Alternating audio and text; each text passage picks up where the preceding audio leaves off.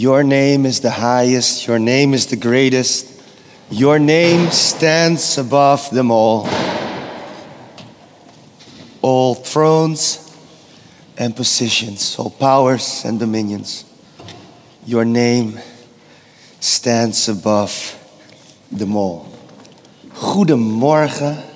Ik hoop dat het goed met jullie gaat. Er is kerstmarkt, dat hebben jullie misschien wel gemerkt. Het is nogal lastig om de stad in te komen nu. Maar jullie zijn er, zijn misschien ook wat kerstmarktbezoekers die binnen zijn gewaaid. We hebben ze zien binnenkomen, weer zien weggaan. Maar als je er nog zit, welkom in deze lekkere frisse kerk. Hopelijk is het volgende week wel gelukt om iets van een hittekanon te hebben.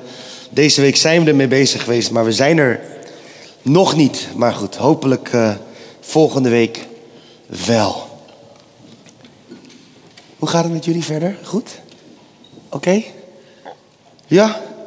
Sharon heeft mij verzocht om niet te gaan zingen deze ochtend. We moeten vanavond nog een keer zingen. En ik, ik ben net als de helft van Nederland, denk ik, verkouden nu. Al een hele week. Maar vrijdagavond zongen we in Utrecht. Gisteravond in Den Helder. En vanavond hier. En uh, we hebben er enorm veel zin in. Echt heel gaaf. Een beetje alvast kerstvier om in de kerststemming te komen. Mocht je nog geen kaartjes hebben, je bent meer dan welkom. Zeg je, ik wil wel komen, maar ik kan geen kaartje kopen. Ben je ook welkom. Ik ga jullie van geheim verklappen. We gaan toch geen kaartjes controleren aan de deur, dus iedereen kan komen. Maar als je wel een kaartje koopt, dan help je ons om uh, de band te betalen. Want anders betalen we het uit eigen zak. Dus, dus dat mogen jullie uh, zelf weten. Voel je vrij, helemaal. Ik weet toch niet wie een kaartje heeft en wie niet. Dus, uh, en de deur is gewoon open. Vanavond om 8 uur. Maar daarom dus geen liedje nu. We hebben al heerlijk gezongen. Echt, ik heb genoten. Ik mocht weer eens een keertje drummen. Het is ook heel fijn als je in een koude kerk mag drummen. Want dan krijg je het vanzelf warm. Mensen, vorige week begonnen we met het thema het licht. Uh, laat er licht zijn. En vorige week ging het erover dat God het licht aandeed. En deze week we het erover hebben dat het licht ons zoekt. En als we teruggaan naar de tijd waarin Jezus werd geboren, zo'n 2000 jaar geleden, was het een tijd van uh, politieke en religieuze onrust. Misschien wist je dat, misschien wist je het niet. Je had, in die tijd had je wat grote groeperingen. Je had de Sadduceeën, dat waren de elite, die hadden macht. Uh, die, hadden, die waren vriendjes met de Romeinen. En die kozen voor een goede verstandhouding met de Romeinen. Aan de andere kant had je de Zeloten. Dat waren de verzetstrijders, de vrijheidsstrijders. Niet bang om te vechten en de wapens op te pakken. Een soort van guerrilla-beweging zou je ze als het ware kunnen noemen. Je had ook de Fariseeën. Dat was een beweging van mensen die geloofden in een religieuze en ethische heropleving. Heel trouw aan de wet waren ze. En zij zagen zichzelf als het moreel en geestelijk kompas van het volk. En misschien zelfs wel het morele en geestelijke verdedigingsmuur van het volk. En geloof het of niet, maar qua kleur binnen het spectrum van wat toen bestond, stond Jezus best wel dicht bij de Fariseeën. Zou je niet zeggen als je de gesprekken tussen Jezus en de Fariseeën zou lezen in de Evangelie, maar ze kwamen best wel dicht bij elkaar. En een vierde grote groep, dat waren de Essenen. Dat was de groep die zei: alles is klaar. Het tij was niet meer te keren. Het oordeel van God was geveld en moest alleen nog worden voltrokken. En die trokken zich terug in de woestijn en ze geloofden dat in het komende oordeel het land met de heideren en het officiële jodendom verwoest zou worden. En alleen zij zouden worden gered. Nogmaals, het was dus een tijd van politieke en religieuze onrust. En ergens doet het me ook denken aan de tijd waarin we nu leven. Als ik nu, je hoeft maar de krant open te slaan en je ziet dat er ook politieke onrust is. Eh, we zijn aan het zoeken. Ik moet eerlijk zeggen, de laatste dagen heb ik het niet meer gevolgd. Maar op een gegeven moment, aan het begin volgde ik nog die formatie. Ik, ik had echt te doen met die persoon die, het moest, die de klus moest klaren. Ik bad voor die persoon. Ik dacht, Heer, geef wijsheid. Want hoe ga je dit ooit kunnen fixen? En als je het hebt over religieuze onrust, hoeveel oorlogen zijn er? Ook gedreven vanuit religieuze motieven. Er is zoveel onrust in deze wereld. Polarisatie op meerdere vlakken in de maatschappij. Iets wat toen dus speelde en wij nu ook nog steeds zien. Iets wat velen toen en nu ook nog steeds enorm veel verdriet brengt. Ik sprak niet zo lang geleden met iemand die zei: Ja, zelfs in mijn eigen familie is er een soort tweedeling gekomen. Want die mensen hadden gestemd op die en die op die. En allebei vanuit hele pure motieven het beste doen waarvan je denkt: Dit is het beste voor het volk. Maar die kwamen recht tegenover elkaar te staan. En waarschijnlijk is het kerstdiner over een paar weken minder gezellig dan voorheen. Het brengt heel veel verdriet. Het dialoog wordt zo vaak gestart, maar iedere keer weer lijkt het te eindigen met het gooien van standpunten, inzichten en soms dus zelfs verwijten. Polarisatie is misschien een van de meest gehoorde woorden vandaag de dag. Het verdeelt een land, brengt verwijdering in kerken en verscheurt zelfs families. Maar zo'n 2000 jaar geleden koos God ervoor om precies in zo'n tijd in te stappen. In een gebroken wereld. Een wereld die gebroken en verscheurd was door allemaal standpunten. En hij deed dat door zijn zoon Jezus te sturen naar de aarde. En als ik daaraan denk, dan denk ik aan, ik denk wel de bekendste tekst uit de Bijbel, uit Johannes 3, vers 16. Want al zo lief heeft God de wereld gehad dat hij zijn enige geboren zoon gegeven heeft, opdat een ieder die in hem gelooft niet verloren gaat, maar eeuwig leven hebben. Het zijn die woorden van Johannes die resoneren in mijn binnenste wanneer ik denk aan de komst van Jezus naar deze aarde. Laat er licht zijn, dat is dus ons thema in december. En God heeft het licht aangedaan en dat licht zocht ons. En dat licht, dat zorgt voor hoop, voor richting, voor leven. Het zorgt voor clarity, voor duidelijkheid. Het geeft een soort route. We weten wat we moeten doen vanwege dat licht. En wanneer ik dan denk aan licht dat ons zocht, dan denk ik altijd aan die mooie en o zo bekende woorden van de profeet Jesaja. Die in hoofdstuk 9, vers 1 het volgende zegt. Het volk dat in duisternis ronddoolt, ziet een schitterend licht. Zij die in het donker wonen, worden door een helder licht beschenen. Deze woorden zijn zo vol van hoop. Want het volk dat in duisternis ronddoolt, ziet een schitterend licht. Zij die in het donker wonen, worden door een helder licht beschenen. Met andere woorden, zij zien het licht omdat het licht hun zocht.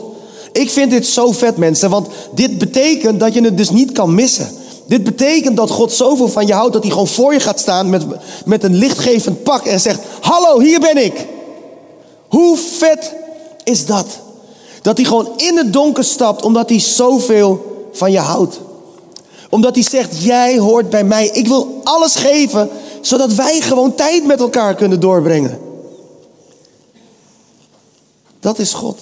En waarom durf ik dit zo vrij te zeggen, dat God echt heel ver gaat? Nou, het volk wat hier wordt genoemd, dat was niet zomaar een volk. Want, dan, want wanneer je hoofdstuk 8 erbij pakt, dan zien we het volgende staan. Zoals het land van Zebulon en Naphtali in het verleden smadelijk bejegend is.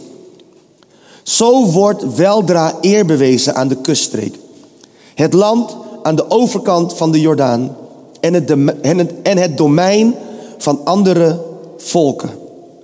Het gaat dus over het land van Zebulon en Naphtali. En dat vind ik zo mooi. Want er was iets met dat deel van het land. Jesaja was profeet in Jeruzalem in de 8e eeuw voor Christus. En in die tijd gebeurde er van alles. Assyrië was toen de grote vijand. Hele bevolkingsgroepen werden afgeslacht. En ze werden weggevoerd. Gedeporteerd naar plekken om nooit meer terug te keren. Dat was de tijd van Jesaja. En het licht gaat dan aan.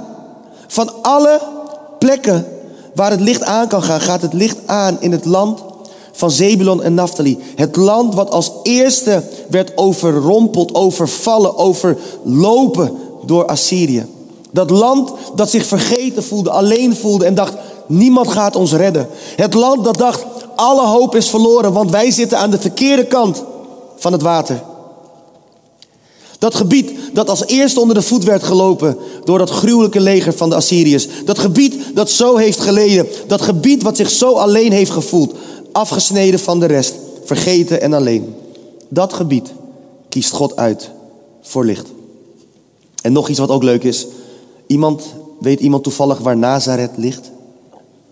Precies in Zebulon. Gewoon daar. Jezus van Nazareth. Hij kwam, hij woonde in dat gebied. Sterker nog, Galilea, het gebied waar Jezus zijn eerste discipelen riep. Het gebied waar hij zo vaak was. Naphtali en Zebulon liggen precies daar. Als we kijken naar Jesaja 8, vers 23, dan zien we in de MBV staan: het land aan de overkant van de Jordaan en het domein van andere volkeren. In de herziene statenvertaling en ook andere vertaling staat daar de overkant van de Jordaan, het Galilea, waar de heidenvolken wonen. Dat was het plek dat bekend stond om de heidenen, de niet-Joden. Daar doet God het liggen. Ik, ik weet niet van jullie, dit is toch vet? Ik ben echt de enige die dit vet vindt, maar hij had gewoon, God had gewoon naar de Bijbelbelt kunnen gaan. Gewoon waar alle Joden waren. Waar iedereen het nieuws al had gehoord en iedereen wachtte en iedereen enthousiast was. Maar nee, hij ging gewoon niet naar de Bijbelbelt. Hij ging gewoon naar het andere gebied. Hij, bedoel, als het hier in Nederland was gebeurd, ging hij dus naar Haarlem, naar Amsterdam, naar Alkmaar, naar Den Helder, naar Rotterdam, naar Den Haag. Oh, oh, Den Haag, mooie stad, achter de duinen. Hij, eh, daar zou hij daar naartoe gaan. Hij kiest ervoor. Ik vind het zo leuk dat God niet voor makkelijk gaat. Hij denkt gewoon, oké, welke mensen zijn het verst weg? Daar ga ik naartoe. Want die zie ik, daar hou ik van. Galilea, daar ging God naartoe. Daar liet hij zijn licht schijnen. Dat deed hij dus al door de profeet Jesaja. Toen Jesaja dat zei, zoveel eeuwen voordat Jezus kwam. Mooi hè? Het licht gaat aan. Ik vind het echt vet. God die het licht laat schijnen op mensen. En waarschijnlijk heb je de woorden van Jesaja 9 al talrijke keren gehoord. Vooral als je dit vaker in de kerk komt met kerst. Want dat is een van onze FAVO-teksten die we lezen tijdens kerst. Maar ik wil het vandaag nog een keer lezen. En ik hoop dat het vandaag hoop in jou mag ontsteken. Dat het vuur van verwachting, van advent, van verwachting, dat je dat mag, dat het dat mag laten branden en dat het licht mag gaan schijnen in je hart. Want zoals Jezus 2000 jaar geleden kwam in een tijd van verdeling, standpunten en meningen, zo mogen we Hem niet alleen vandaag verwachten, maar mogen we Hem vandaag ook ontvangen. Want Hij is erbij. En ik wil lezen Jesaja 9, vers 2 tot en met 6. En daar staat, U hebt het volk weer groot gemaakt. Het gaat dus over dat volk dat vergeten was. Hè? Dat volk wat niemand meer zag. Dat volk dat aan de andere kant was. Niet in de Bijbelweld. U heeft het volk weer groot gemaakt. Diepe vreugde gaf u het. Blijdschap als de vreugde bij de oogst. Zij jubelen als bij het verdelen van de buit. Ik heb het hier echt over. Jesaja heeft het over echte vreugde. Wanneer je de oogst binnenhaalt. Wanneer je de buit verdeelt. Ik weet niet van jullie, maar het is eind van het jaar.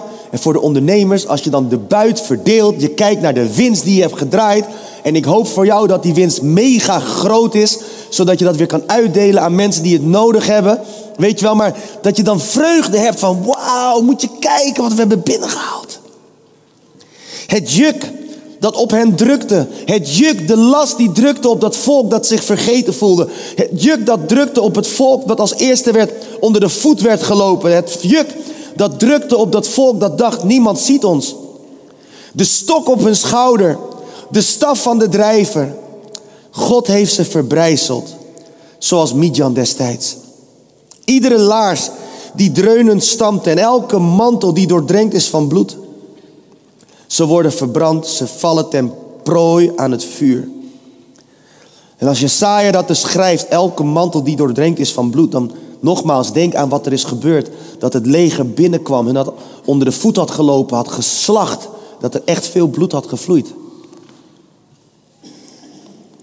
Ze vallen ten prooi aan het vuur. Want, en daar komt het, een kind is ons geboren. Een zoon is ons gegeven. En de heerschappij rust op zijn schouders. En deze namen zal hij dragen. Wonderbare raadsman.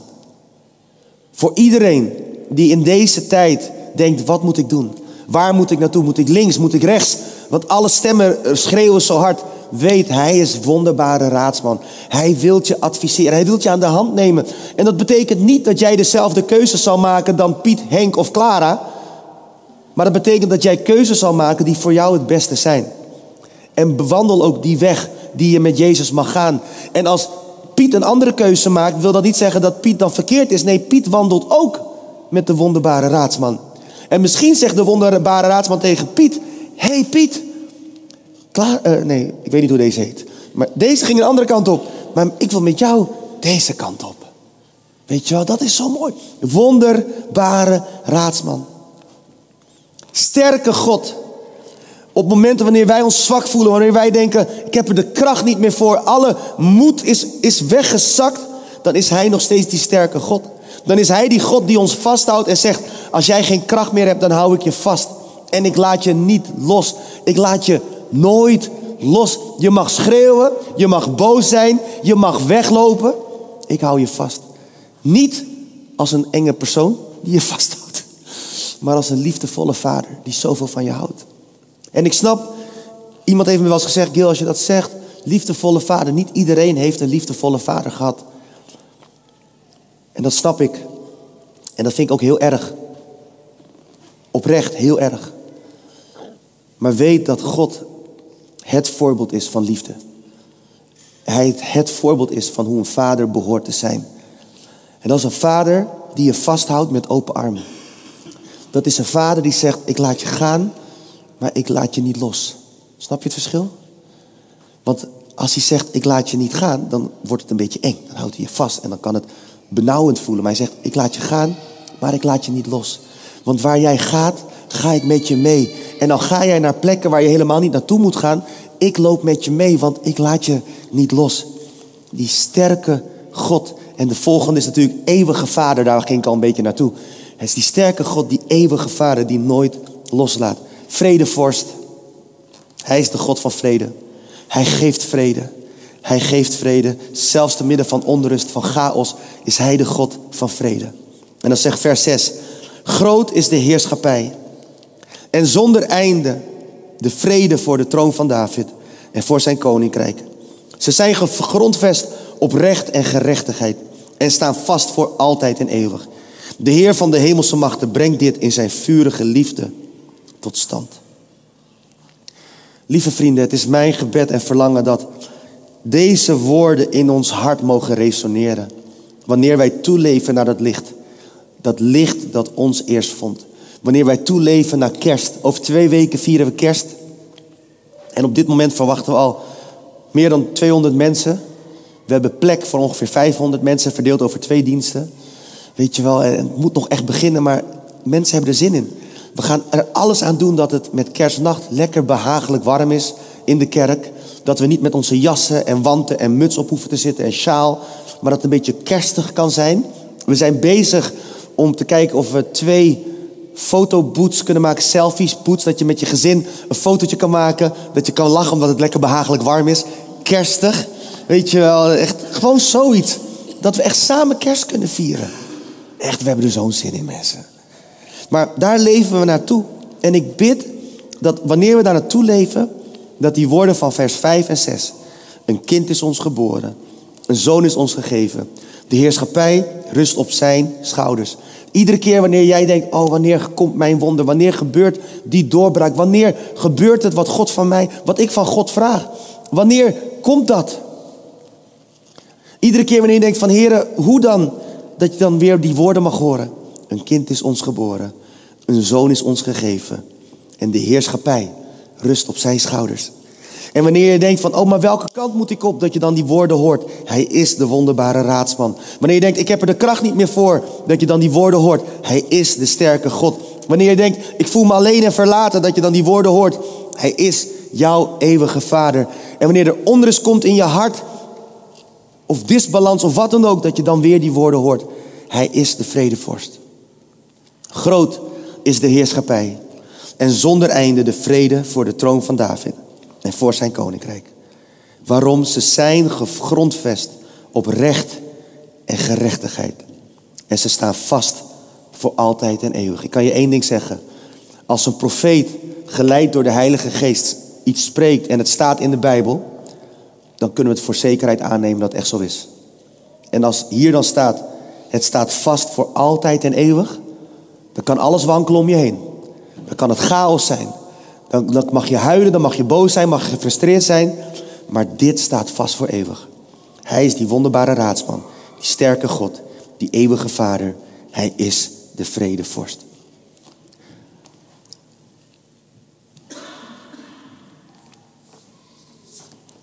Zo bid ik dat jij, dat ik, dat wij deze weken Hem meer en meer mogen leren kennen. Als die wonderbare raadsman, de sterke God, de eeuwige Vader en de vredevorst. Dat Gods raad, zijn kracht, zijn vaderlijke omarming en zijn vrede, die alle verstand te boven gaat, dat die ons mag dragen, omringen en beschermen. Ik zeg het nog één keer, dat zijn raad, Gods raad, perfecte wijsheid, zijn kracht die nooit tekortschiet, zijn vaderlijke omarming die ons nooit loslaat en zijn vrede die alle verstand te boven gaat. Die vier dingen. Dat die ons mogen dragen, mogen omringen en mogen beschermen. Tot aan kerst, totdat Jezus terugkomt. Alle dagen van ons leven. Amen. Lieve mensen, ik wil voor jullie bidden. En uh, als ik bid, dan bid ik deze woorden. Wat ik net heb gezegd. Gods raad, zijn kracht, zijn vaderlijke omarming en zijn vrede. En dat bid ik over ons, over jou, over mij, over ons allen in deze tijd die voor ons ligt. Ik bid dat je zijn wijsheid mag ervaren op momenten dat je keuzes moet maken die lastig zijn. Voor diegene die misschien deze dagen voor een dilemma komt te staan, of misschien zelfs nu al een dilemma heeft. Dat je echt Gods wijsheid, zijn bovennatuurlijke wijsheid mag ervaren. Zijn raad mag ontvangen. Voor die persoon die zo moe is. Misschien was 2023 een mega zwaar jaar voor jou. Een jaar van teleurstelling, een jaar van verdriet. Een jaar waar je de glimlach maar aan de buitenkant bleef laten zien. En dat je dacht, ik ben nu helemaal op dat je Gods kracht op dit moment mag ervaren als nooit tevoren. Dat je Zijn kracht mag ontvangen. Dat het door je leven mag stromen. En dat je Zijn vreugde, want Zijn vreugde is onze kracht. Zijn vreugde zorgt ervoor dat we kunnen rusten in Zijn kracht. Dat je Zijn kracht mag ervaren in de naam van Jezus. En voor die persoon die zich afgesneden voelt dat je Gods vaderlijke omarming mag ervaren. De God die je laat gaan, maar je nooit loslaat. De God die altijd met je meegaat. De God die trouw houdt tot in alle eeuwigheid. Dat je zijn vaderlijke omarming mag ontvangen. En voor die persoon die zoveel vragen heeft, zoveel onrust, zoveel Misschien stress, onvrede in hoofd, in hart, in het leven. Dat je mag ervaren de vrede van God. Die alle verstand te boven gaat. Die ons hart en ziel zal behoeden, zal beschermen in Christus Jezus. Dat je die vrede mag ervaren. In Jezus' naam. Dat die vrede jou mag omringen. Dat die vrede zelf een muur van bescherming zal zijn om jouw hart. Dat je de muren van je hart neer mag laten en de vrede van God binnen mag laten komen. Ik bid je Gods vrede toe. In Jezus' naam. Vader, dank u wel dat u door uw Heilige Geest een helend werk doet op dit moment in ons midden. Dat u de rijen langs gaat. Dat u ieder hart persoonlijk raakt, vult, geneest, herstelt, bekrachtigt, omarmt en vrede geeft. Heer, waar, waar, waar december een stressvolle periode kan zijn voor zoveel mensen, dat het een tijd mag zijn van rust en vrede. Niet omdat we het minder druk hebben, maar omdat we leunen op U. Heilige Geest, kom en vul ons opnieuw.